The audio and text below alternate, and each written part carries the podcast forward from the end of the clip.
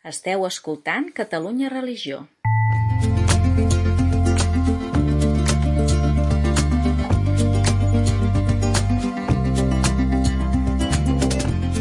Converses en la frontera, un podcast de Gabriel Jaraba i Xavier Morlans.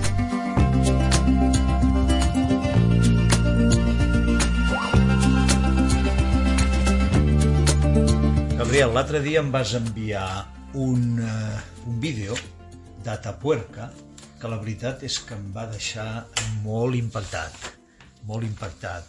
A mi també. per això te la vaig enviar. Ens l'enviava el professor Ignacio Martínez Mendizábal, Nacho, que s'explica molt bé, i parla d'aquesta d'aquesta nena que li van posar Benjamina, que han trobat, han trobat restes, són les restes més antigues de, de, de tot el món, pràcticament, l'estat a Puerca. Això sembla, sí, de però... l'Homo sapiens amb això. Una nena que van deduir que havia viscut fins als 12 anys i que té, tenia una malformació de crani eh, que feia que li apretés el cervell i que per tant vol dir que de petit això ja s'havia de veure i a diferència del que fan els animals i potser algunes cultures primàries, que és quan, quan un cadell no pot seguir a la manada, l'abandonen, perquè es calcula que no, no, no, no rendirà, no arribarà adult, no podrà procrear. En canvi, deia el professor Martínez Mendizábal, que es veu que aquesta nana, aquesta nena, va ser cuidada amb tendresa i amb humanitat fins als 12 anys. Clar. Què, què ens diu això? I ens diu, perdó, i va ser cuidada eh, en un context eh, molt dur i molt cruel, que és la mortalitat infantil. Exacte, i tant, sí, sí, la mortalitat infantil ha estat una cosa present fins als nostres dies i avui dia pues, segueix esdevenint en països eh, poc desenvolupats. Però no solament això, sinó la, la mortalitat de les mares. Sí, la mortalitat en el, en el part. Eh, jo, per exemple, no vaig conèixer la meva àvia materna perquè va morir eh, en el part eh, i la meva àvia materna no era de cap, diguem-ne, un, un, població eh, extrema i llunyana, era un poblet rural a la província de Saragossa, en aquest cas en 1917. Clar, aquest era el context i davant d'aquesta mm, terrible sofrença i condemna per part dels pares que es veien com es morien els fills i probablement també les dones, van tirar endavant i van fer l'esforç de cuidar i de tirar endavant i de salvar, encara que sigui un eh, com la Benjamina, i complint allò de dir, mm, que diuen alguns savis, que quan salves una persona estàs salvant a tota la humanitat, i ells ho van complir. Però això vol dir que aquesta gent, lluny de vegades del tòpic que hi ha, que ens els imaginem com molt primitius, molt rudes, aquí indica una qualitat humana de, de cuidar, alimentar un cadell que no serviria per res, que no podria arribar a, a, a reproduir com a dona, no? Indica un nivell d'humanitat eh, força alt. I ho indica eh, perquè estem davant doncs, de l'eclusió de la solidaritat, de la caritat, de la paternitat, eh? és a dir, de totes les virtuts humanes i jo crec que davant de, que, que comporten més coses. Per exemple, jo crec que hi ha cada vegada hi ha menys dades que ens permetin pensar en els nostres ancestres com a éssers primitius o brutals, que coi primitius, capaços no solament de cuidar aquesta nena en condicions extremes, sinó de mantenir el grup humà, el grup familiar, la tribu, entre cometes, amb un estat de salut prou adequat. A través de què? A través de plantes, a través de mm, cuidados mm, de tota mena que avui en podíem dir mèdics o paramèdics. Avui dia eh, tots els metges que exerceixen eh, a, a la capa del món haurien de genollar-se cada dia davant d'una imatge dels ancestres que van ser capaços de mm, descobrir, de retrobar aquella planta que feia que. M'explico? És a dir, eh, però no solament això, sinó l'art, la sensibilitat artística, que no és només la sensibilitat d'imaginar o, de, o sublimar una visió del, de l'entorn material, sinó una capacitat d'imaginar altres mons. Les pintures rupestres no són precisament primitives ni són precisament maldestres, sinó tot el contrari. Són d'una bellesa que de vegades es va, eh, es va mm, apreciant més i finalment jo diria que entre una cosa, entre el terapèutic i l'artístic i visionari, hi ha l'ús per part d'aquests ancestres d'elements o plantes o fongs de tipus mm, psicodèlic, és a dir, la capacitat de viatjar, entre cometes, és a dir, la capacitat de fer-se camí i de fer ull a maneres de ser de la realitat que no estaven prou manifestes en la vida quotidiana. Vaja, que aquests ancestres no eren pas tontos ni, ni brutos, sinó que ja podem considerar que tenien una sensibilitat, podríem dir, en l'essencial, en l'essencial, podríem dir, com la que tenim nosaltres davant d'un fill, davant d'un net. Jo crec que sí, sobretot tot perquè el dolor és un gran mestre i el sofriment i aquesta capacitat, diguem-ne, de, de, de sentir el sofriment i de comptar amb el sofriment propi i el dels altres, això ha forjat la humanitat, no? I això ens porta a aquest tema d'Atapuerca, dels orígens de la humanitat, es porta un tema que tu treus molt sovint. Quan parlaves dels Beatles, deies que era la primera vegada que la cançó tenia una aspiració d'unir la humanitat i el fet que es pogués sentir per televisió. Aquest sentit que insisteixes molt i que jo comparteixo totalment, de que ens ha d'interessar, ens ha d'importar la solidaritat universal, tant si és la situació del Tíbet com la situació de, del Sahara, com la situació d'Ucrània o del Sudan. La unitat de la, de la humanitat en què la basem? En què la basem? La, la, jo crec que la humanitat, la, la unitat de la humanitat la basem, i en això la ciència ho fa molt bé, altres coses no, però això sí, que és desmuntar tots els mites construïts, mites en el pitjor sentit de la paraula, eh? en aquest cas mites com a llegendes interessades, eh? Uh -huh. de dir els negres són inferiors als blancs. Mireu ara tots aquests rucs que insulten els futbolistes negres als camps de futbol, no? Eh, escolti'm, eh, estan comportant-se com a esclavistes del segle XIX que, eh, que volen tancar a les persones negres amb, amb, amb zoològics per ensenyar-los com una cosa, diguem-ne, eh, curiosa. Jo dic d'entrada per eliminar qualsevol vestigi de racisme i de divisió entre els humans per raons d'ètnia, d'origen, diria fins i tot que de classe social, no? Però jo crec que aquesta humanitat eh, única per a mi seria, i altres que comportarien, la, no compartirien, la, la qualitat de ser fills tots d'un mateix pare, és a, dir, és a dir, que això a les escriptures està claríssim. A mi hi ha hagut gent que són cristians, eh, que m'ho han, que han, han contradit i m'ho han rebentut, que, que, que, que aquesta, diguem-ne, paternitat comuna de la humanitat no, no, exist, no existeix, no? si, si més no, eh, si fan diferències per raons d'una elaboració de les seves idees de salvació una mica, mm -hmm. diguem-ne, entrelligades, no? En tot cas, els creients tenim una motivació molt poderosa per sentir-nos eh, units a tota la humanitat, és ser fills d'un mateix Déu, però per aquells que no són creients o són agnòstics, sí que, com deies, la ciència sí que certifica que venim tots d'unes primeres parelles, sembla ser que se situa a Nigèria, eh, aquesta capacitat que té la ciència de dir que, que venim d'un mateix origen, no? hi ha una unitat d'origen. I hi ha un altre element, jo crec que per mi molt important, que és l'element comú de la humanitat, que no només indica un origen, sinó un destí. Parlàvem de destí també l'altre dia, que és el sofriment i la compassió davant del sofriment. És a dir, el fet de que ser humà comporta eh, necessàriament el fet de sofrir i el fet de ser humà, de ser humà comporta necessàriament, o així hauria de ser, la capacitat de ser sensible de que, davant d'aquest sofriment i d'actuar en, en conseqüència. A la pregunta famosa que ens estem fent ara, a, a propòsit del transhumanisme, no? què ens fa humans? Què ens fa humans?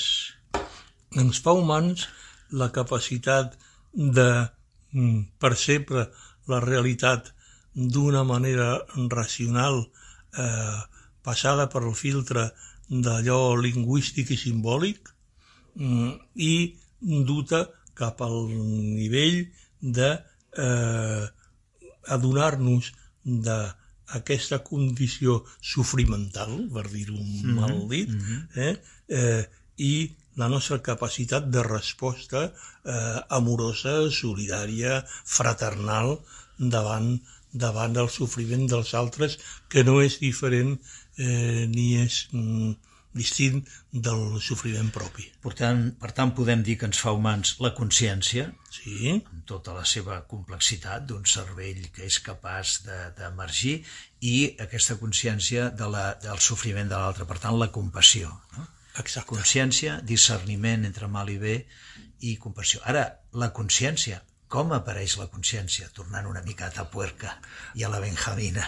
Aquest és el problema, i aquest, i aquest és el problema de la ciència avui dia, eh, i, que, i que és un gran problema que ningú gosa confessar, però que és així.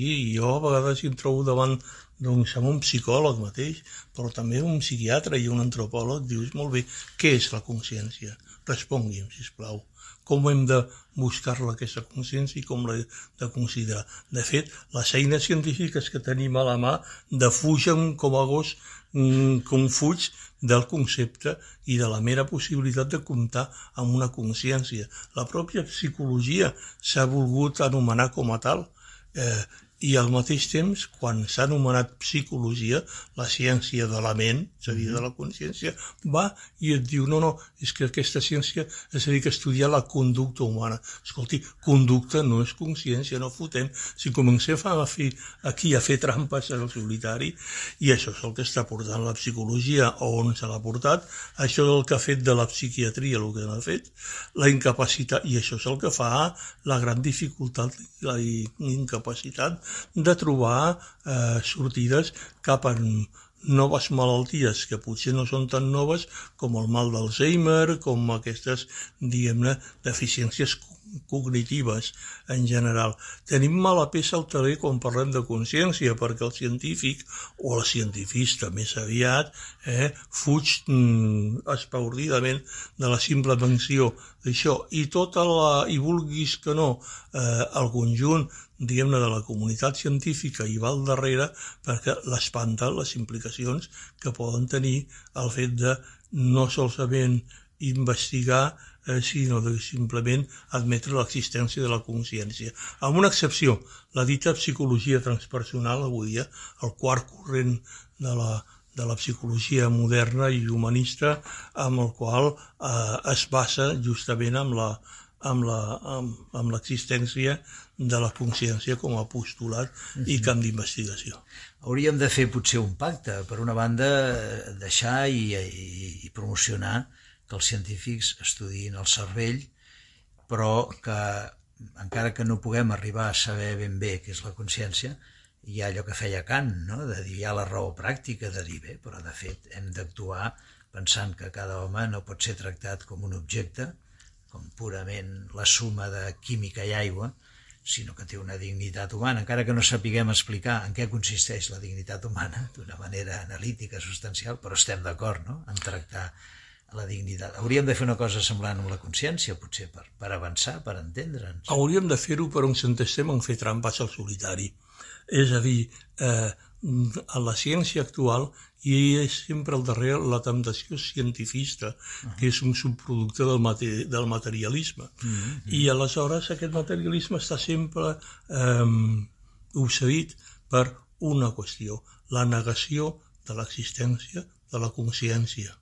És dur, però és així perquè, i aquest és el, el, el problema don, don, amb el qual em fem front, l'èxit de les neurociències únicament, últimament, uh -huh. eh, que és manifest i que és molt important i a mi em sembla molt meritori, coses que abans doncs, es consideraven pròpies de la filosofia o fins i tot de la literatura o de l'art, avui dia doncs, hi ha molts neuròlegs i neuro mm, extensió, el que sigui, perquè són moltes les especialitats que diuen no, no, jo vull eh, saber quines són les bases fisiològiques de tot això. I aquí és on, eh, i aquí és on comencem a picar un ferro fred, perquè tornem inevitablement a l'existència de la consciència i la incapacitat o la manca de voluntat de comptar la, amb la consciència i de donar-li un mínim bri de, d'existència.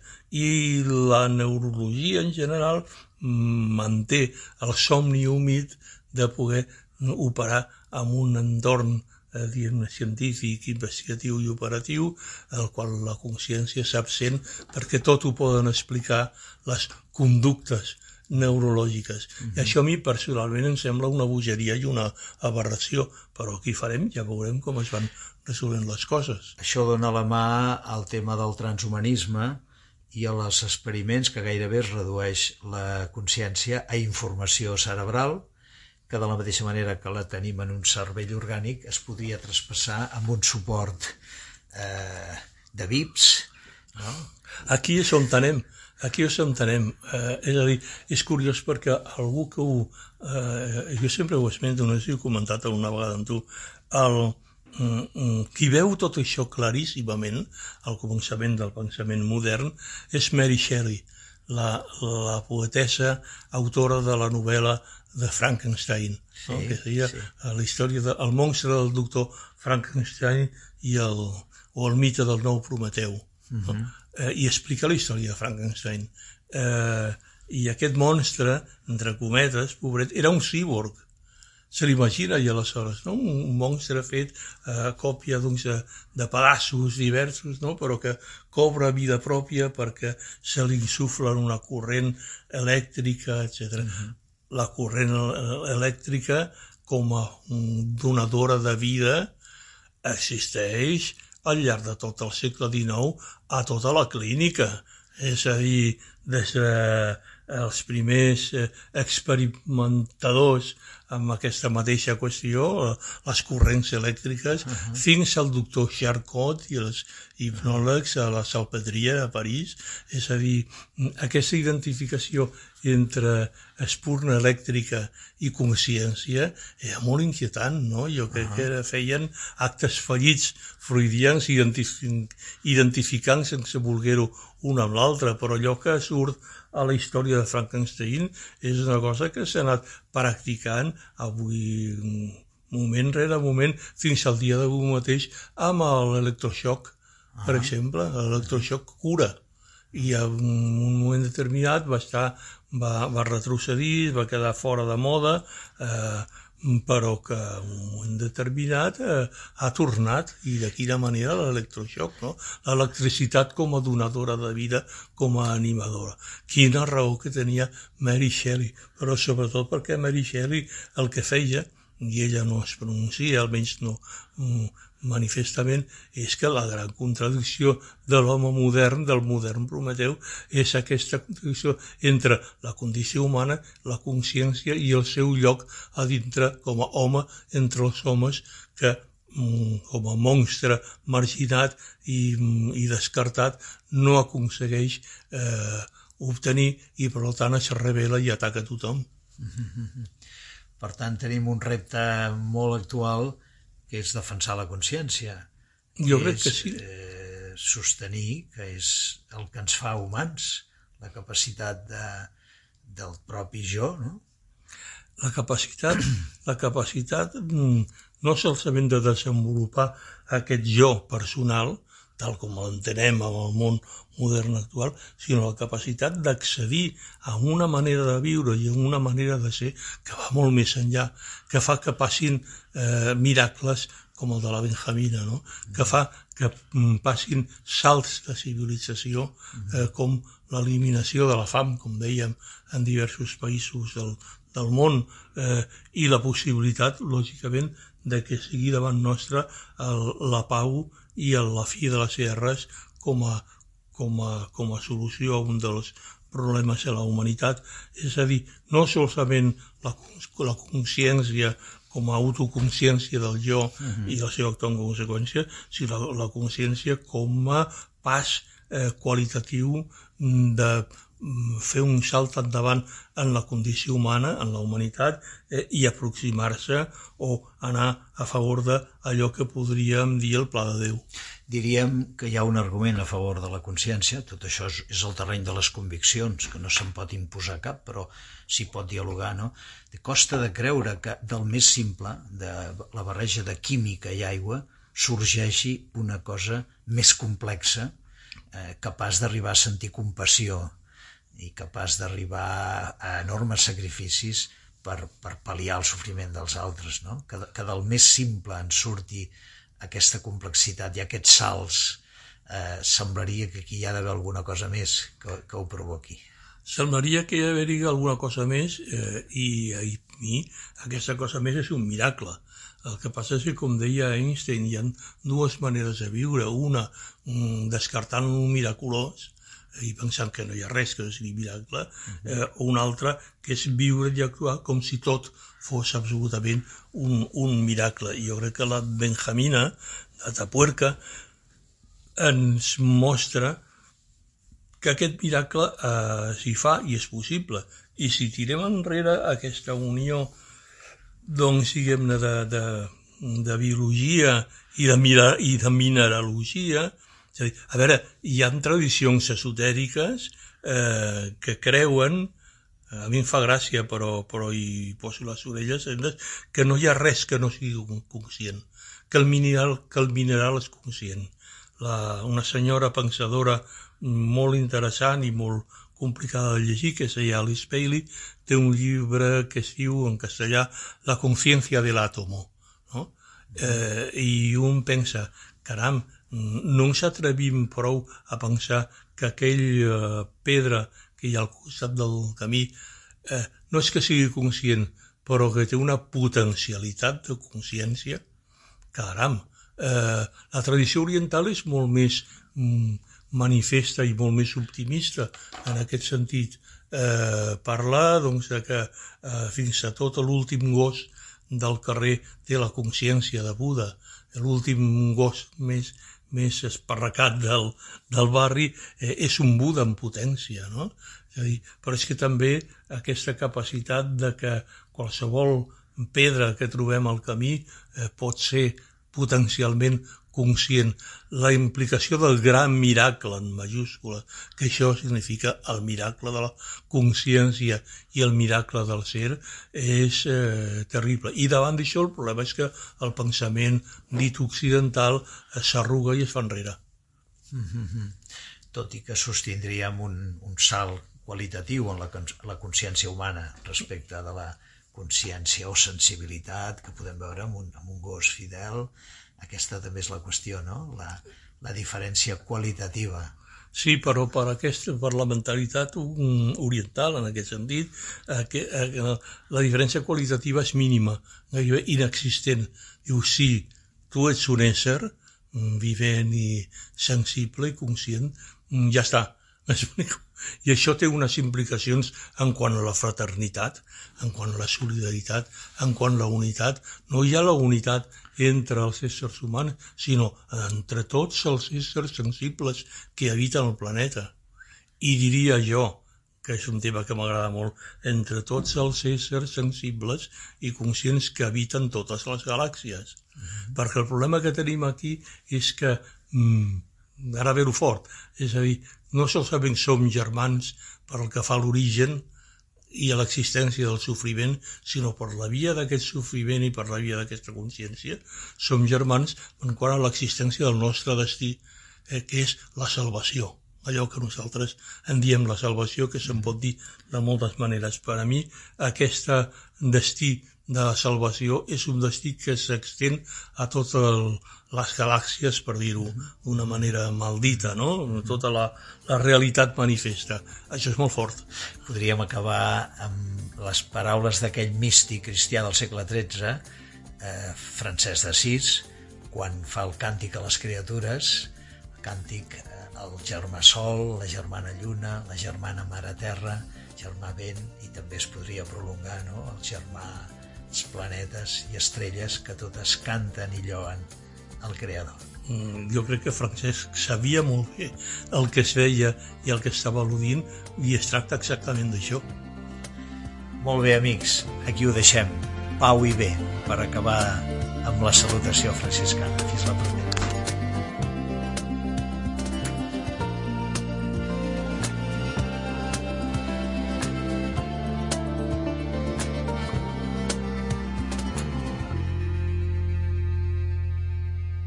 Catalunya Religió